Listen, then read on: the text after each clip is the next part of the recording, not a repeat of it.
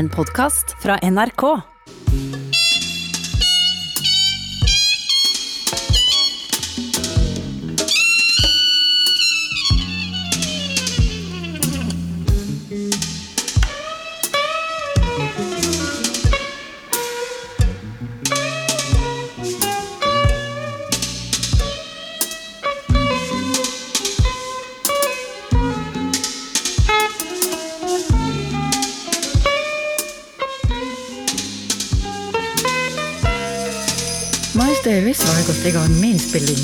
Sin tredje skive Star People. Og mye hadde skjedd ganske raskt siden comebacket i 1981. Flere av musikerne i det nå godt etablerte bandet var på vei ut. Mark Støren hadde rusproblemer, og da han ikke hadde rukket fly og dermed ikke dukket opp på konserter, hadde Mars Davies etter hvert sett seg nødt til å be ham gå. Han hadde fått anbefalt en ny gitarist, nemlig John Schofield. Men trolig var det også andre grunner for den aldri hvilende bandleder og trompeter som var på evig jakt etter nye impulser.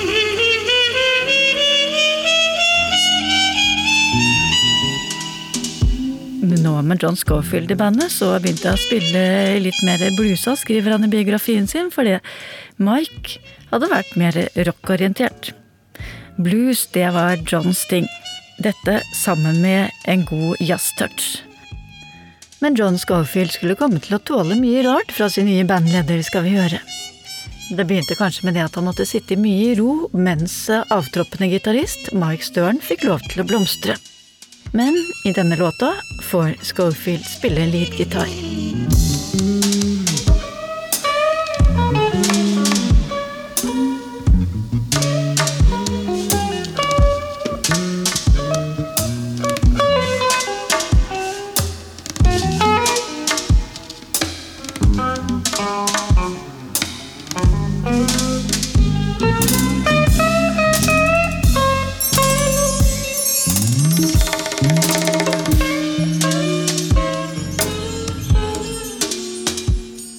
Annen side, Mike Stern hadde følt seg svært godt ivaretatt av Miles Davis, til tross for rusproblemene og alt rotet som fulgte med det.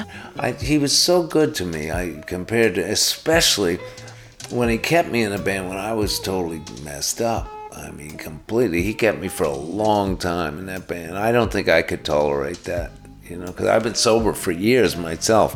And if somebody shows up drunk all the time and messed up, I think I would say, look, you gotta move on. Selv skriver Miles. Stort sett er de beste vennene mine dem jeg til enhver tid spiller med. Vi var alle nær hverandre.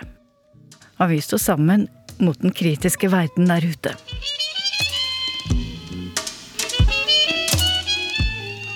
Men Miles ble kaldere før atskillelsen. Whenever he felt like you were ready to go, he'd kind of get colder, you know, because he wanted to. He, did, maybe the separation was a little hard for him. Når man spiller fra hjertet, sammen med andre musikere, så kommer man nær hverandre enten man vil eller ikke, på en spesiell måte. Det er kanskje lett å glemme, sier Mike Stern. It's funny when musicians they don't talk about it much, but they really do get. You know, the music is very. It's a very close kind of thing when you're playing together, and you're really you're really wearing your heart on your sleeve. You know, when you're playing really from that place. You know where you're playing, and you're and you're kind of playing off of each other, and you know, so it's it's you get really close to people without even thinking about it, just on that level, even if it's not the conversation, it's more like just the music together. John Schofield forteller om et mer komplisert forhold til Miles Davis enn den nære omsorgsfulle relasjonen som Mike Stern opplevde. He would tell you things and say things to you just to see your reaction because he knew that we all idolized him, you know. Første møte med Miles gikk ikke som forventet, forteller John Schofield. Han hadde kommet direkte til første spillejobb uten at eh, Miles Davis en gang hadde hørt ham live, bortsett fra en gang for flere år siden. John Schofield hadde på sin side fulgt nøye med på Miles etter comebacket hans for nå tre år siden. Han kjente musikerne i bandet og var smigret over å få dette tilbudet. I knew all the guys in Miles's group, and and uh, And before he made his comeback, I was playing with all those guys a little bit with Mike Stern and Marcus Miller and Al Foster. And I had actually met Miles uh, once at a club. The Brecker brothers had a club called Seventh Avenue South, and uh, I was playing there, and he came. I was playing with Dave Liebman, who was a friend of Miles, who had played in Miles's band.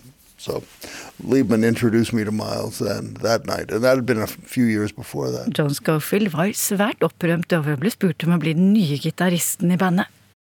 I was so excited, you know, because it was uh, he was my idol uh, in music, and uh, I had always wanted to play with him, so I was just thrilled. Yeah. So, how was your first gig? Well, it was strange. It was very because he uh, he had he called me. I, I, actually, Bill Evans called me first and said, "Miles wants you to come today from New York to Cleveland, where they were." And so he said, Miles ønsket at John Schofield skulle reise fra New York, der han bodde, til Cleveland i Midtvesten for å være med på konserten. Det var en times flytur, og han tok seg så videre i taxi ut til klubben, der han ankom rett før bandet skulle på scenen. Det var november, det var kaldt, og ingenting var særlig komfortabelt, skal vi tro John Scofield. And and so you know I don't know if he remembered me. I guess he did from when I had met him before. I don't even know, but you know. So I went backstage, and he was there with Al Foster, the drummer. Schofield dro backstage der eh, Miles Davis satt med trommis Al Foster, som Schofield kjente fra før av. Og så ble han bedt om å prøvespille. And uh, and he, and I he said, "Get your guitar out, play me something." And I was like scared, you know. So, um, you know, it was cold too. It was November, but it was very cold. And uh, my hands were cold. So I took the guitar out and I started to play. And I remember I started to play this tune that he wrote called Nardus.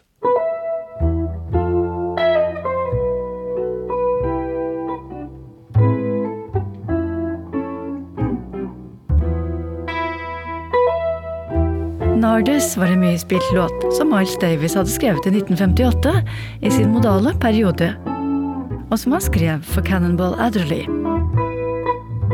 Nardis hadde blitt en standardlåt, og John Schofield spilte den altså hele tiden, forteller han. Couldn't think of anything else to play, but I played this song all the time. So I played that for him.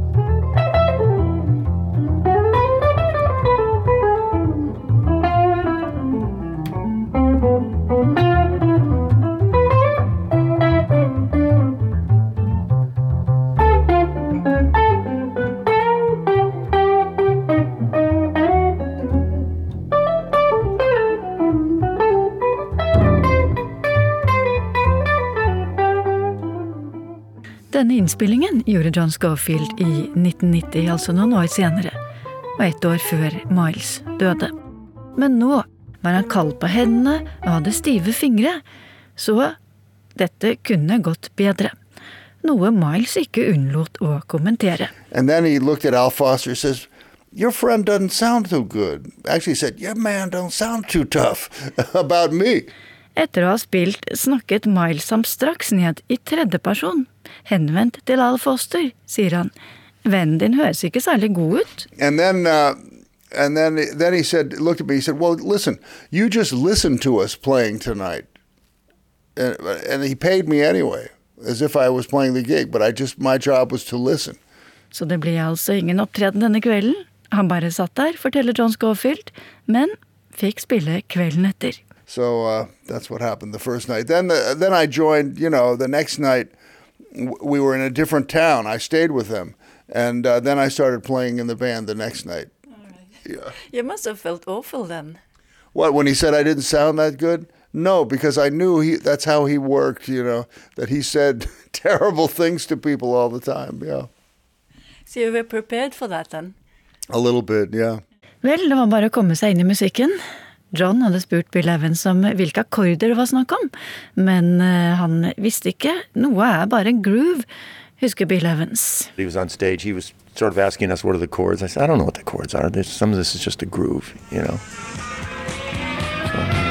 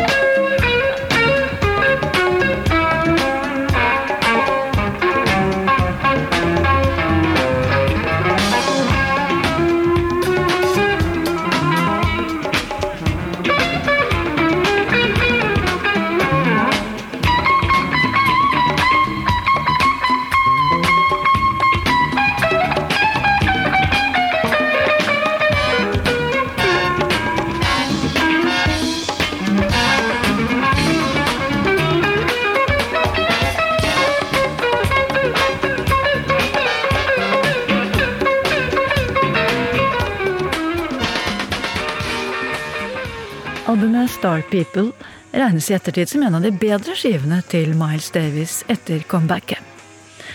Mike Stern forteller hvordan de jobbet uten akkordskjemaer, med store åpninger for musikerne selv til å utfolde seg personlig. It was great playing with him. I mean, for me, it was just, you know, to see the way he rehearsed, how much he left open for the musicians, how much he would just, we'd kind of figure out as we went along. It was pretty open situation. That's the way Miles liked to do it. Charts or anything like that. There wasn't a lot of that stuff happening at all.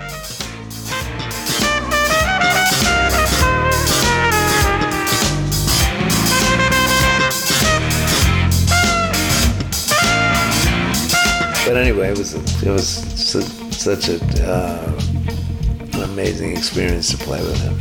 That's for sure.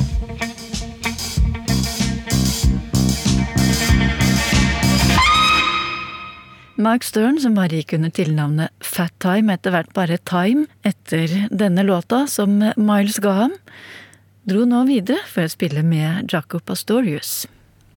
Miles valgte blant annet musikere ut fra at de hadde en klar musikalsk identitet, tror John. I think that that's true uh, because he he uh, realized, you know, that you had to have your own sound, you know, in order to be any good. You really also put uh, a particular sound into his band. You know, I don't know about that, but I guess I did, but I don't know, you know, because I'm just me and uh, we are just who we are. and everybody has their own sound, you know, that they it changes a band, whatever members are there. Han syntes det var fantastisk å spille i bandet, men måtte fortsatt tåle ubehagelige utspill fra Miles. Men han tok ham for det han var, forteller Schofield. You know, with with Miles, uh, because he was such a uh, uh, larger than life person, you know, and and and uh, of course, everything he said we listened to all the time, and and we took it all very seriously, you know. Um, but he would always kind of have fun with the people around him like a king, like an old king in some story that you hear about, you know, who was a big baby, you know, that was Miles. Miles Davis var en sånn person som nærmest var større enn livet selv. Så han kunne opptre som en konge, eller nærmest som en kjempebaby, forteller altså John Scofield. Men de hørte på alt han sa, og sugde til seg tiden de hadde sammen.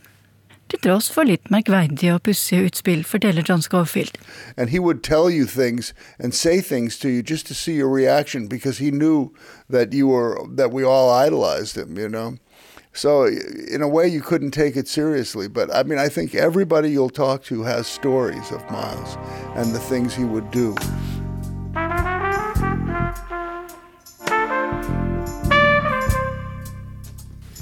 John Scofield var svært takknemlig for å være med i bandet, men det skulle ikke bli så mye bedre, akkurat dette. Saksofonisten Bill Evans, som hadde hengt rundt med Miles eh, fra slutten av eh, den vanskelige perioden og gjennom comebacket hans, forteller at det behandlet folk svært forskjellig. Hvorfor var litt uklart, men Miles Davis hadde en eiendommelig egenskap i det å greie å presse det beste ut av folk musikalsk, mener Bill Evans.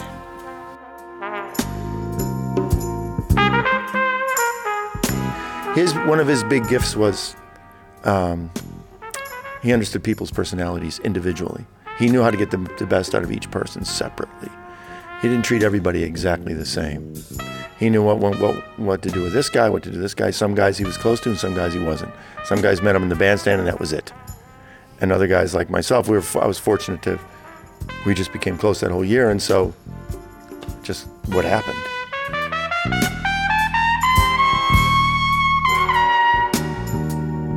Selv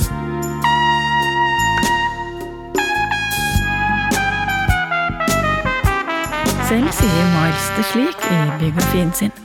Det er en gave jeg har, denne evnen til å finne og sette sammen folk med rett kjemi, som gjør at de kan spille godt sammen og gå opp i en høyere enhet. Jeg tror det er viktig å plukke intelligente musikere, for er de intelligente og kreative, da kan musikken fly.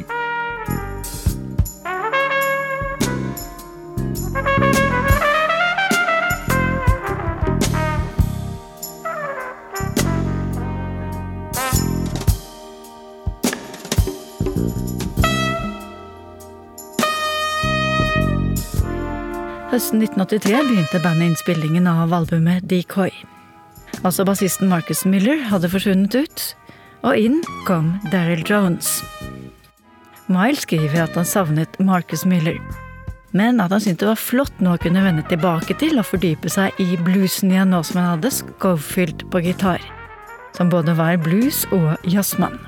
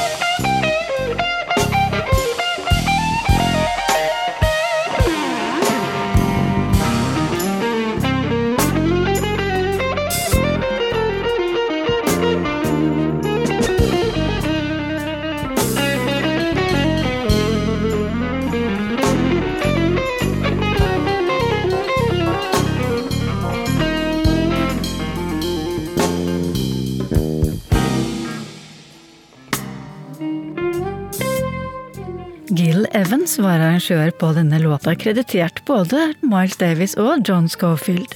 That's Right.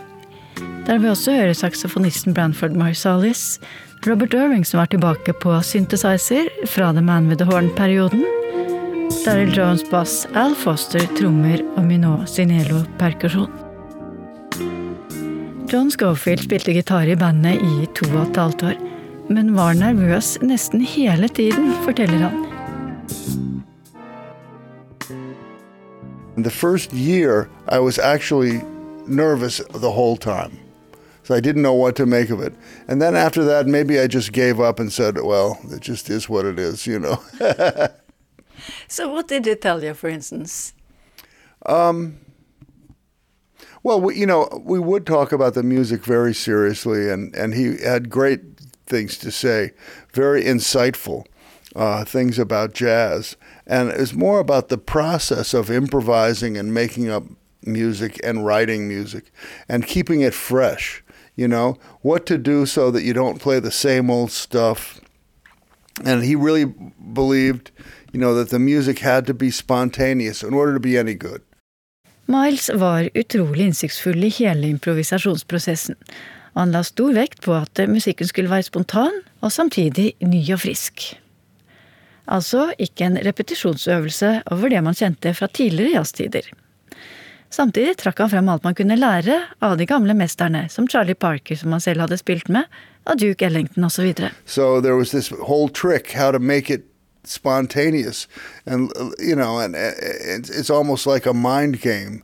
Um, and uh, I learned so much from that, and and that was really from you know the old guys would talk about that, the real jazz people, and it was very much a uh, an aesthetic, you know, and uh, and that was wonderful. And uh, he talked about music like that all the time. He would talk about different musicians, Charlie Parker, and and uh, people that that he admired, you know, and, uh, and Duke Ellington, blues.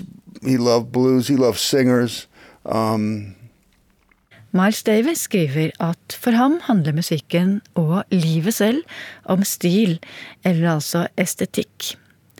Stilen og estetikken i musikken skaper spesielle følelser, og dersom du vil ha folk til å føle noe spesielt, er det avhengig av stilen du bruker, skriver Miles Davis. it was, you know, it was really wonderful that way.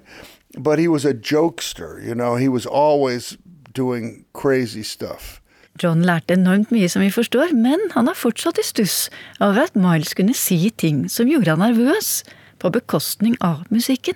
He didn't. He would. He he would make you nervous and and say things to make you feel strange, at the expense of the music. You know, like a lot of people say, "Oh, Miles was always thinking, how can I make the music fresh? I'll make these. You know, I'll put these people together, and they'll be." Vi har hørt tre av i alt fire episoder i serien På veien med Miles Davis, livet etter comebacket. Der musikerne forteller fra sin tid med jazzikonene. Nærmere bestemt John Scofield, Bill Evans og Mike Stern. Jeg heter Karen Frivik, og vi hører tittelsporet fra utgivelsen Decoy.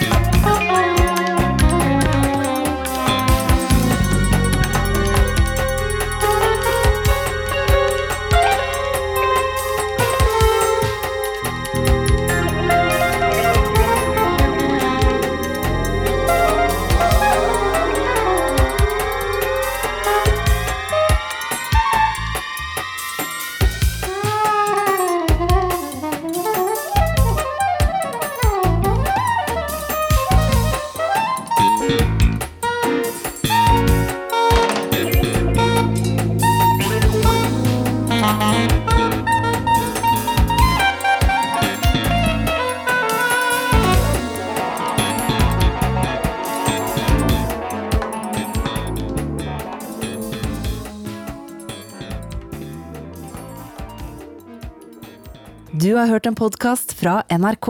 Hør flere podkaster og din NRK-kanal i appen NRK Radio.